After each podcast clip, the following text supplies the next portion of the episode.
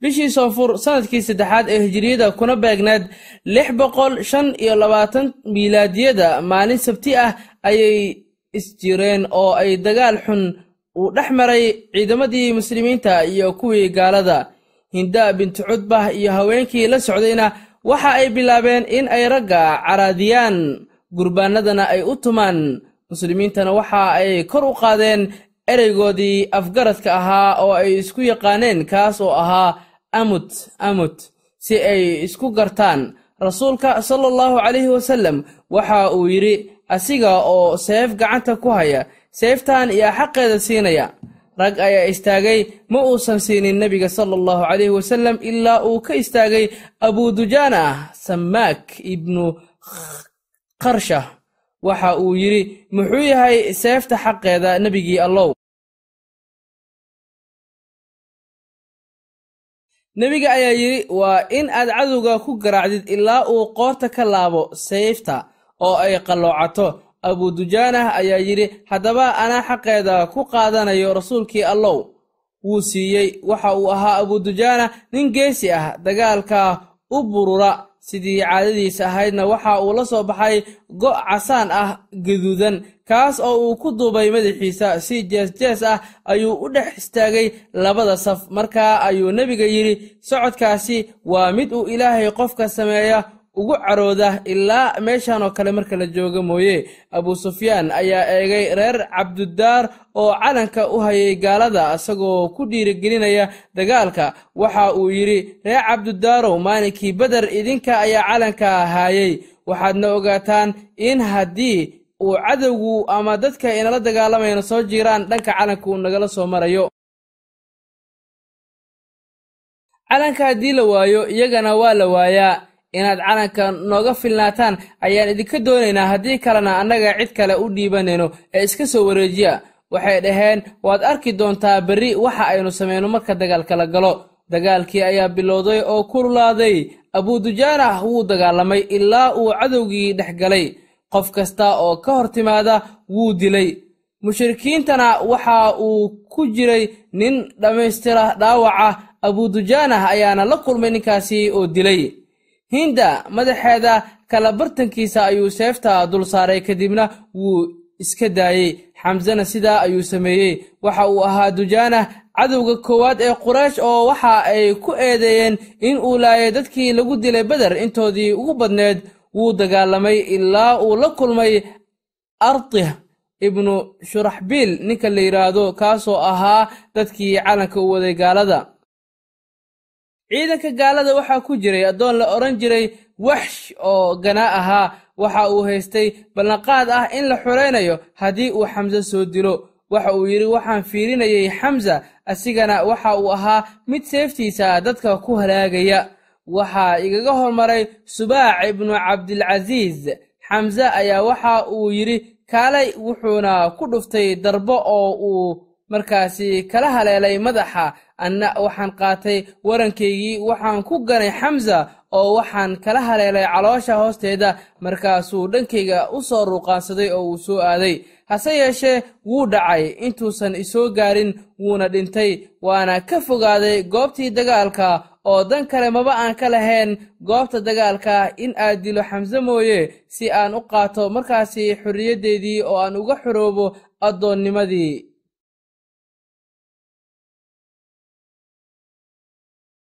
markaan maka tegayna waan xoroobay.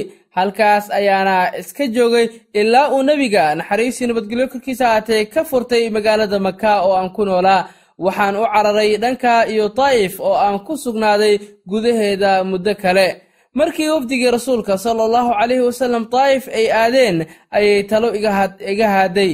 Waxaan is idhi xaggeed qabataa yeman shaam mise meel kale markaas nin baa igu yidhi hooge ninkii diintiisa galo oo ashahaataa ma dilo nebiga sala allahu calayhi wasallam. Markaa ayuu markaasi waxa uu bilaabay in uu sidaa yidhaahdo durbadiiba waan soo baxay ayuu yidhi ilaa aan rasuulka sala allahu calayhi wasallam uga imaaday asigoo ku sugan magaalada madiinatulmunawara oo xaruntii muslimiinta ahayd. Markaan soo dul istaagay nebiga sala allahu calayhi wasallam oo aan ugu imid madiina ma uusan igu baraarugin marka hore markuu i arkay waxa uu igu yidhi ma waxshi baa tahay? Waxaan ku idhi haa rasuulkii ilaahayow. Markaasuu yidhi fadhiiso oo igaga sheekee sideed xamse u dishay. Markii aan dhammaystay sheekadeeda waxa uu igu yidhi hooggaaga iga qari wejigaaga. Waan iska qarin jiray nebiga si uusan ii arag ilaa uu ka dhintay muscab ibnu cumeer ayaa dhintay isagoo difaacaya rasuulkii alleh sala allahu calayhi wasallam.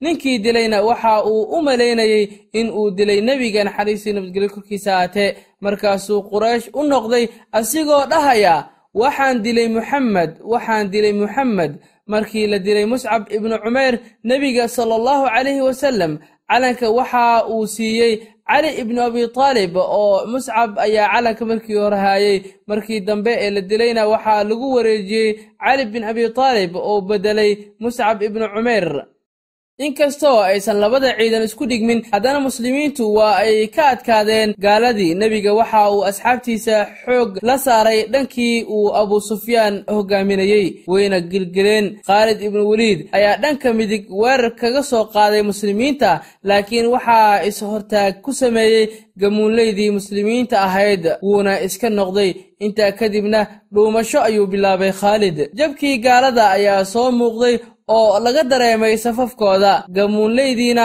waxa ay arkeen guusha ay gaareen muslimiinta markaasay amarkii nebiga khilaafeen wayna ka soo tageen boosaskoodii iyagoo ka qaybgelaya ceyrsashada cadowgii jabay iyo ururinta qaniimadii laga reebay. Waxaa u dhawaaqay hogaamiyahoodii dib maysan u milicsan intoodii badneedna sidaas ayay uga soo tageen halkii lagu amray in ay joogaan. Kuwa aad u tiro yar oo garanaya macnaha qiimaha amarka mooye oo toban gaarayey arrinkaas ayaa fursad u ahaa mushrikiinta oo khaalid ibnu weliid ayaa durbadiiba dareemay in ay daciiftay ilaaladii buurta korkeeda laga hayay wuxuuna ku dhaqsaday in uu ciidan isugu soo ururiyo dhabarka dambe ee buurta.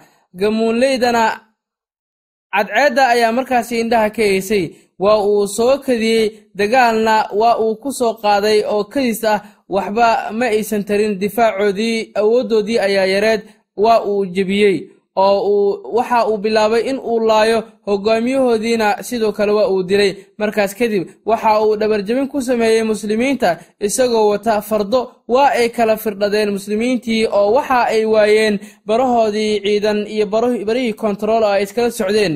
Waxay bilaabeen qorshe la'aan in ay dagaalamaan ayagoo iskala garan la'a goobta dagaalka ayayna ku hoobteen muslimiintii oo dhabarjebintii khaalid bin weliid ku soo sameeyey. Waxaa go'ay xidhiirkii ay la lahaayeen hogaamiyahoodii waxaana la maqlay cod ah in moxamed sala allahu caleyhi wasallam la dilay. Markaas qayb muslimiinta ka mid ah ay carareen qaarna waa ay iska fadhiisteen dhinacyada goobaha dagaalka ayayna fadhiisteen kuwana waxa ay doorteen sabar sugnaan iyo shahaado in ay qaataan waxaa ugu horreeyey dadka anas ibnu nadar oo diiday in uu dib u gurto. Muslimiinta ayuuna dhex istaagay isagoo odhanaya talow maxamed haddii la dilay nebiga sala allahu calayhi wasallam rabbigiisii lama dilin. Ku dagaalama waxa moxamed lagu dilay. Ilaahayow waxaan kaaga cudur daaranayaa buu yidhi. Waxa kuwaas ay dhahayaan waxaana beri ka ahay waxa ay la yimaadeen kadibna seeftiisii ayuu la baxay wuuna dagaalamay ilaa uu ka shahiiday. Qur'aanka ayaa arrintaasi ka sheekeeyey.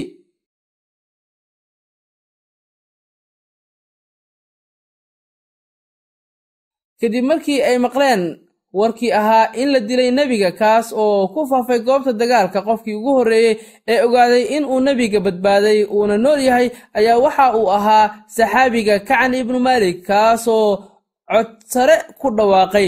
Nebiga ayaa amray in uu aamuso si aysan u ogaan muslimiinta. Qur'aanka kariimka ayaana arrintaasi caddeeyey in allah subxaana wa tacaala uu cafiyey kooxdii carartay. Allahna waxa uu yidhi ina aladiina tawallow minkum yowma altaqa aljamcaan inamaa istazallahum ashaytaanu bibacdin maa kasabuu walaqad cafa allahu canhum ina allaha gafuurun raxiim aayaddaasi qur'aanka ah ayaana allah uu waxa uu ku sheegay in la cafiyey muslimiintii dagaalkii xilligii uu qaraaraaday ka cararay oo baxsaday markii ay maqleen nebigiina waa uu dhintay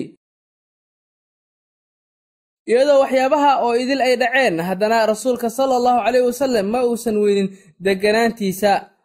Walow ay shahiideen asxaabtiisii kuwoodii ugu waaweynaa. Mushrikiintana waxa ay ogaadeen in uu nebiga nool yahay uuna goobta dagaalka joogo islamarkaana ay ku hareeraysan yihiin sagaal saxaabi oo toddoba ka mida ay ahaayeen ansaar. Way soo weerareen. Ansaar waxa ay muujiyeen geesinimo dheeraad ah wayna shahiideen dhammaantood. Intaa kadib nebiga waxaa difaacay talxa ibnu cubaydillaah wuu dagaalamay ilaa uu ka daciifay. Waran ayaana markaasi gacantiisa midig lala helay. Nebiga hortiisa waxaa istaagay abudujaana kaasoo ka celinayay gamuunada oo dhabarkiisa u dhigayey gamuun kasta ee lagu soo gano sacad ibnu abi waqaas nebiga hortiisa ayuu difaac kaga jiray. Nebiga ayaa u dhiibay gamuunada isagoo dhahaya.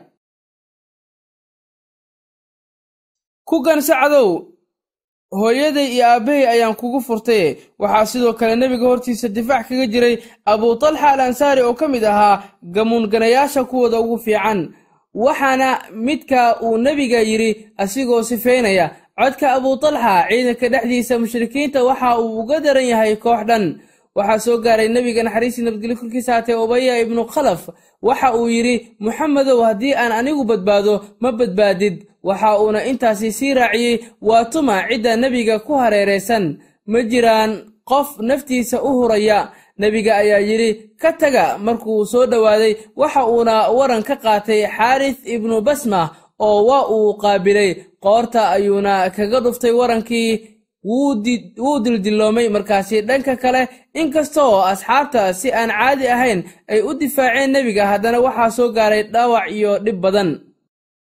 Waxaa laga jebiyey mid ka mid ilkihiisii wejigana waa laga dhaabacay. Wuxuu bilaabay inuu dhiigga iska tirtiro nebiga oo wejigiisii ka masaxo waxa uuna yidhi sidee bay u liibaanayaan qowm wejiga nebigoodii dhiig ka keenay isagoo islaamka ugu yeeraya allow waxa uu soo dejiyey. Laysa laka min alamri shay-un aw yatuuba calayhim aw yucadibahum fa innahum daalimuun dagaalkii waa uu sii socday ilaa ay qolo kasta markaasi ka daashay nebiga naxariistii nabadgelkiisa haatee waxa uu sameeyey dib u gurasho. Dhinac ka mid ah buurta uxud ayuu isaga iyo intii la socotayba ay u gurteen oo ay u beereen. Muslimiintana waxa uu markaasi u kulantay laba murugood xanuun iyo cabsi. Intaba waxay aad uga murugaysnaayeen. Waxa ku dhacay nebiga naxariistii nabadgelyo korkiisa haatee ee dhaawaca waxayna bilaabeen in ay isku urursadaan oo ay isugu yimaadaan. Bartii uu nebiga cayimay in ay isugu yimaadaan wuxuu ka dalbaday wakhtigaasi dhinaca buurta in loo laabto godka uxud mushrikiinta inaan loo oggolaanin in ay hareereeyaan muslimiinta. Markay isku dayeen mar labaad in ay hareereeyaan waxaa ka hor istaagay cumar ibnualkhadaab iyo intii la socotay mushrikiintana waxa ay ogaadeen in aysan u suuragelaynin in ay ka takhallusaan muslimiinta daal badan ayaa asiibay. Dhaawac tiro badanna waa ay lahaayeen. Waxay go'aansadeen in ay dib uga gurtaan goobta dagaalka iyagoo ku kaaftoomay guusha wakhtigaasi ay gaareen. Abuu sufyaan ayaa meel sare ku istaagay isagoo odhanaya howl wanaagsan dagaalku waa ninba markiisii maalin u dhiginta maalin kale ayaana dhacaysa. Hubaal kor ayaynu noqonnay ayuu yidhi rasuulka sala allahu alay wasalam ayaa ku yidhi cumar istaag ee u jawaab. Waxaadna ku dhahdaa buu yidhi alle ayaa ka weyn wax kasta oo aad sheegtaan. Kuwa naga dhintay waxa ay ku jiraan janno idinka kuwiinana waxay ku jiraan naar. Abuu sufyaan wuxuu u yeedhay cumar waxa uuna weydiiyey moxamed ma dileen cumar ayaa yidhi alle ayaan ku dhaartayee maya? Hadda ayuuba hadalkaaga maqlayaa abuu sufyaan. Wuu iska tegey isagoo ku dhawaaqaya ballanteenu waa beder iyo sannadka soo socda. Nebiga ayaa waxa uu ku yidhi cumar waxaad tidhaahdaa waxaad ku dhahdaa haa isagu waa ballan dhexdeenna taalla. Sidaa ayaana markaasi ku kala baxeen labadii ciidan oo ay ku kala tageen. Dagaalkiina uu ku istaagay muslimiintii waxaa halkaasi kaga dhimatay toddobaatan nin halka mushrikiintana ay kaga dhimatay saddex iyo labaatan nin oo keliya. Qoraysh dagaalka ayay ka baxday oo geeloodii ayay waxa ay u kaxaysteen halkaa. Intii ay markaasi xaqiijiyeen unbayna ku kaaftoomeen oo guul kale ma aysan sii raadin iyo dagaal in mar kale ay soo qaadaan sida ayaynu ku galbadeen muslimiinta dagaalka cidna loogama qabsan. Si looga badbaado dhagarta gaalada loona hubiyo in ay maka aadeen ayaa nebiga waxa uu ka dalbaday ama uu ka dabadiray cali si uu u dabagalo uuna u soo fiiriyo waxa ay samaynayaan haddii ay fardaha fuulaan oo geelana ay kaxeeyaan waxay rabaan in ay madiine aadaan. Laakiin haddii ay geela fuulaan ay fardahana fogeeyaan waa kuwo u noqonaya maka almukarama cali waxa uu markaasi ku soo warramay in ay fuuleen geela. Rasuulka sal alla alay wasalam wuu baxay isagoo raadinaya xamsa wuxuu ka helay togga gudihiisa iyadoo beerkiisii laga soo saaray calooshiisa oo la suurad xumeeyey. Sanka iyo dhegahana laga jaray. Wuxuu yidhi nebiga sala allahu calayhi wasalam markii uu arkay sida loo galay adeerkii waxa uu ku yaalayna uu la cajibay haddii aysan safiyo murugoonayn oo dhaqanka aniga aan jidaynayana uusan noqonayn mid aniga bilaabay si uu dugaagga u cuno una galo shimbiraha calooshooda ayaan ka tegi lahaa buu yidhi nebiga. Qoraysh haddii aan ka adkaado allana uu guul igaarsiiyo meel meelaha ka mid a waxaan suurad xumayn doonaa beddelkii soddon nin. Muslimiinta markii ay arkeen murugta haysata iyo carada uu u qaaday cidda adeerkii suurad xumaysay ayaa waxa ay iyaguna dhaheen allaan ku dhaaranay haddii aan ka guulaysanno maalin uun waan suurad xumayn doonaa. Suurad xumayn aysan horayba carab u arag ayaynu suurad xumayn doonaa. Intaasi kadibna waxaa soo degay qowlkii eebbe waxauu yidhi allah wa in caaqabtum facaaqibuu bimidli maa cuuqibtum bih walain sabartum lahuwa khayrun lisaabiriin markaa ayuu cafiyey rasuulka sala allahu calayhi wasalam wuuna sabray. Intaa waxaa dheer wuxuu reebay in wax la suurad xumeeyo waxaa timid safiya oo ah walaashii xamsa eedadii rasuulka sala allahu calayhi wasalam iyo ummu zubayr iyagoo raadinaya walaalkeed xamsa wuxuu u tilmaamay inankeeda zubayr in uu celiyo si aysan u arag waxaa walaalkeed ku yaallaa oo suurad xumayn ah. Waxay tidhi sabab ayaa ii celinaysaa way isoo gaartay in walaalkii la suurad xumeeyey alle dartii ayaana loo yeelay arrinka waxaan kaga raali ahay ma jirto arrinka. Alle idinkii waan sabrayaa waana ajir doonanayaa zubayr markuu u sheegay nebiga waxa ay tidhi waxa uu amray in uu iska daayo waa ay timid wayna fiirsatay oo way aragtay. Way ku tukatay innaa lilaahi wa innaa ilayhi raajicuun ayay tidhi. Dembi dhaaf ayayna u weydiisay. Intaa kadibna waxa uu amray in la duugo waana la duugay bukhaari iyo abu daa'uud waxaa laga wariyey in nebiga uu laba nin hal mar ku duugayey intaa kadib waxa uu odhanayay labadooda yaa qur'aanka aad u yaqaanay. Haddii mid ka mid ah loo tilmaamo kaa ayuu iilka ku hormarinayey waxa uuna dhahayay waxaan markhaati ka ahay kuwaasi maalinka qiyaamaha. Dhiiggooda in lagu duugo ayuuna amray nebiga. Sidoo kale laba iyo saddex ayaa hal god lagu duugayey waxa uu kaloo amray nebiga sala allahu calayhi wasallam in nin kasta meeshii lagu dilay in lagu duugo. Qaarkood madiine ayaa loo soo qaaday mar dambe. Duugitaanka kadib ayaa nebiga sala allahu calayhi wasallam waxa uu safgeliyey asxaabta. Waxa uuna markaasi isugu keenay meel. Waxa uuna allah subxaanahu wa tacaala uu ammaanay kadibna alle ayuu ka baryey in uu siiyo nimco adduun iyo mid aakhiro uuna lacnado gaalada beeniyey islaamka ee la dagaalamay muslimiinta ee isku dayey in ay gumaadaan muslimiinta.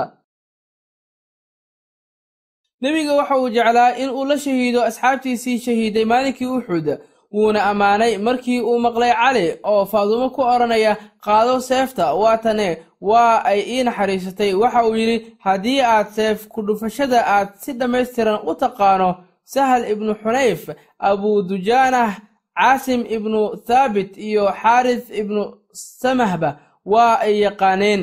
Asxaabtii ku shahiiday uxud waxaa ku soo degtay aayadan walaa taxsabanna aladiina qutiluu fii sabiili illaahi amwaata bal axyaa'un cinda rabbihim yursaquun muslimiinta waxa ay wajaheen markay madiine u soo noqdeen yahuuddii oo ceynaysa oo weliba ku faraxsan jab ka soo gaaray muslimiinta waxaa iyaga markaasi la mid ahaa munaafiqiintii waxay sidoo kale waajahayeen muslimiinta reer miyiga kuwaasi oo damacu ka soo galay kheyraadkii wixii muslimiinta ay wateen nebiga wuxuu u qasday in uu ururiyo ciidan si uu u soo celiyo niyadda muslimiinta cadowgoodana uu u argagax geliyo. Una muujiyo yuhuudda iyo munaafiqiinta in aysan markaasi ka noqonin casiimadoodii nebiga nin afkiisa ku hadlaya ayaa dadka u dhawaaqay oo yidhi u diyaar garooba cadowga ka dabategiisa muslimiintiina waa ay ajiibeen isla maalinkii xigay siddeeddii bisha soonfur sannadkii saddexaad ee hijiriyada iyadoo uu jiray dagaal markaasi dhaawacyadii ka soo gaaray iyo weliba dhibaatadii dagaalka ayaa haddana nebigoodii iyo hogaamiyahoodii waxa ay durbadiiba bilaabeen in ay adeecaan waxa ayna adeeceen ay aadeen markaasi meesha la dhaho xamraa al asad waddada waxaa ku soo islaamay macbad ibnu abi macbad oo reer khusaaco ahaa. Nebiga ayaa waxa uu amray in uu aado abuu sufyaan isagoo ogeysiinaya in nebiga soo socdo. Macbad waxaa la faray inuu argagax geliyo abuu sufyaan taladana ku siiyo inuu ku sii socdo waddadaasi waxaana uu abuu sufyaan soo diray fariin uu u soo diray nebiga sala allahu calayhi wasalam ree markaasi safar ah oo cabdiqays ka tirsan ayuuna u soo dhiibay. Wuxuuna ku soo qoray in ay u soo socdaan nebiga ayna dabarjari doonaan isaga iyo asxaabtiisa. Nebiga ayaa maqlay hadalka wuxuuna yidhi alle ayaa nagu filan. Mid la tala saartana isaga ayaa ugu nimco badan. Allena waxa uu soo dejiyey aayadahani qur'aanka ah. Aladiina qaala lahum annaasu ina annaasa qad jamacuu lakum فغشوهم فزادهم إيمانا وقالوا حسبنا الله ونعم الوكيل فانقلبوا بنعمة الله وفضل وفضل لم يمسسهم سوءا واتبعوا رضوان الله والله ذو فضل عظيم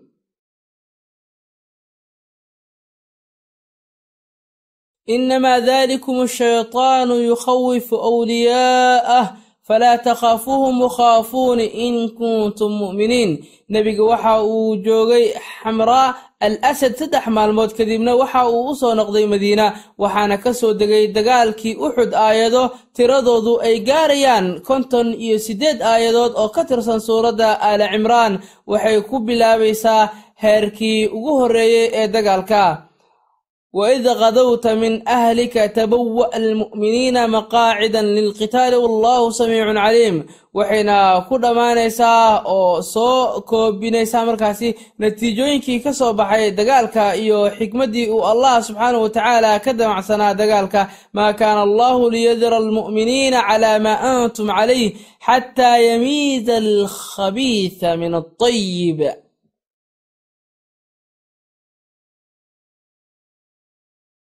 وما كان الله ليطلعكم على الغيب ولكن الله يجتبي من رسله من يشاء فآمنوا بالله ورسله وإن تؤمنوا وتتقوا falakum ajaran cadiimaa guraagii degganaa madiinaha reeraheediina waxa ay isku dayeen in ay ku dhiiradaan nebiga iyo in ay qabsadaan madiina. Khayraadkeedana ay la wareegaan waxaana nebiga soo gaaray diyaargarowga ay sameeyeen reer banu asad iyo ibnu khusayma iyadoo uu hogaaminayey duxaylah al asadi ninka la yidhaahdo oo markaasi qabiilkaasi ka tirsanaa ayna kaga gol lahaayeen diyaar garowga in ay weerar ku soo qaadaan magaalada madiina.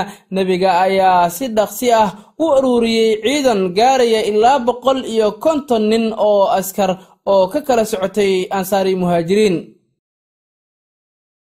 Waxa uu madax uga dhigay abaasalama ibnu cabdul asad wuxuu u diray reer bani asad ceel ayagoo jooga ayuu ku kadiyey wayna kala carareen ayagoo ka tegay xoolahoodii qaniimo ayayna markaasi u noqdeen xoolihii muslimiinta. Khaalid ibnu sufyaan oo isagu heer hudayl ahaa ayaa dagaalyahano ururiyey kuwaas oo ka tirsan qabiilkiisa iyo kuwo kaleba. Wuxuuna ku ururiyey carafaad meesha la yidhaahdo waxa uu u diyaar garoobay in uu u soo dhaqaaqo madiina. Nebigana waxa uu u diray saxaabiga lagu magacaabo cabdullaahi ibnu unays oo ree juhan ahaa. Wuuna ka guulaystay madiine ayuuna u soo noqday. Nebiga ayaana guddoonsiiyey ul si maalinka qiyaamaha calaamad ay ugu noqoto hudeel inta kadibna waxa uu bilaabay in uu markaasi dhagar iyo khiyaano ku sameeyo muslimiinta waxaa loo soo diray madiine koox kale oo ka socota cudal iyo qaarah oo labaduba ay yihiin mudar waxayna dhaheen inaan islaamno ayaan doonaynaa ee hana la raaciyo. Culimmo diinta na faahasiisa qur'aanka kariimkana barta iyo shareecada inteeda kaleba nebiga ayaa raaciyey toban ka mid ah asxaabta wuxuuna madax uga dhigay caasim ibnu thaabit markii ay gaareen meel u dhexaysa casfaan iyo maka waxaa weerar ku soo qaaday reer lixyaan wayna hareereeyeen kadibna waxa ay dhaheen maganteena ayaad ku jirtaan waana idinka badbaadinaynaa dil asxaabtii ninkii hoggaamiyahooda ahaa ayaa diiday arrinkaasi in uu galo maganta gaalada wuuna la dagaalamay ilaa laga dilay ilaa toddoba ka mid ahaa raggii tobanka ahaa. Saddexdii kale ee soo hartayna waxa ay noqdeen kuwo ay magantii aqbala kadibna dhagar ayaa lagu sameeyey. Waxaa la dagaalamay cabdulaahi ibnu taariq way dileen labadii kalena waxa ay u kaxeeyeen maka waana khubayb iyo zayd ibnu dathanah quraysh ayay ka iibsadeen waxayna dhacday arrinkaasi sannadkii afaraad ee hijiriyada bisha safar. Khubayb waxaa iibsaday reer xaaris waxayna u dileen xaaris oo uu ku dilay khubayb dagaalkii beder markii ay u soo bixiyeen khubayb in ay dilaan laba ragcadood oo sunno ah ayuu tukaday. Intaan la dilin ka hor isaga ayuuna markaasi ahaa qofkii ugu horreeyey ee jideeya arrintaasi waxa uu alle ku baryey kelimadahan allahayow tiro ahaan koob si koox kooxa ah u laay mid iyaga ka mid ahna ilaahayow ha ka tegin. Intaas ka bacdina waxa uu yidhi haddii anoo muslim ah la i dilayo waxba igama gelin. Meel kasta iyo nuuc kasta oo lii dilo. Sababtoo ah alle haddii uu doono waxa uu barakaynayaa xubno sharal uu ku dhacay. Dhanka kale zayd ibnu dathnah waxaa gatay safwaan ibnu umaya waxa uuna u dilay aabbihii umaya ibnu khalaf kaasoo lagu dilay beder abu sufyaan ayaa weydiiyey ka hor inta aan la dilin ma jeceshahay in moxamed booskaaga la keeno oo adna markaasi lagu geeyo gurigaagaasna la dilo waxa uu yidhi iska daa in booskayga la keenee. Ma jecli moxamed meesha uu hadda joogo in ay qodax ku muddo anna aan gurigayga markaasi iska joogo oo halkaasi aan ku nasto. Dhibaatadan waxaa loo yaqaanay oo ay dhacday markaasi ama ay ka dhacday dhibkii rajiic la odhan jiray waxaana loogu magacdaray meesha ay ka dhacday oo magaceedu ahaa rajiic oo dhibaatadani waxaa loo bixiyey rajiic maadaama rajiic ay ka dhacday allah waxa uu ku yidhi qur'aankiisa wa min annaasi man yashrii nafsahu ibtiqaa'a mardaati illaah wallaahu ra'uufun bilcibaad. Munaafiqiintii ayaa arrinkaa ku sheekaystay waxa ayna markaasi dhaheen alle hooggooda maysan dhex joogi karin reerkoodii mana aysan gudanin. Waajibkii uu nebiga uu u diray allaha ka raali noqdee alle waxa uu mar kale soo dejiyey aayado qur'aana waxa uu leeyahay wa min annaasi man yucjibuka qawlah ومن الناس من يعجبك قوله في الحياة الدنيا ويشهد الله على ما في قلبه وهو ألد الخصام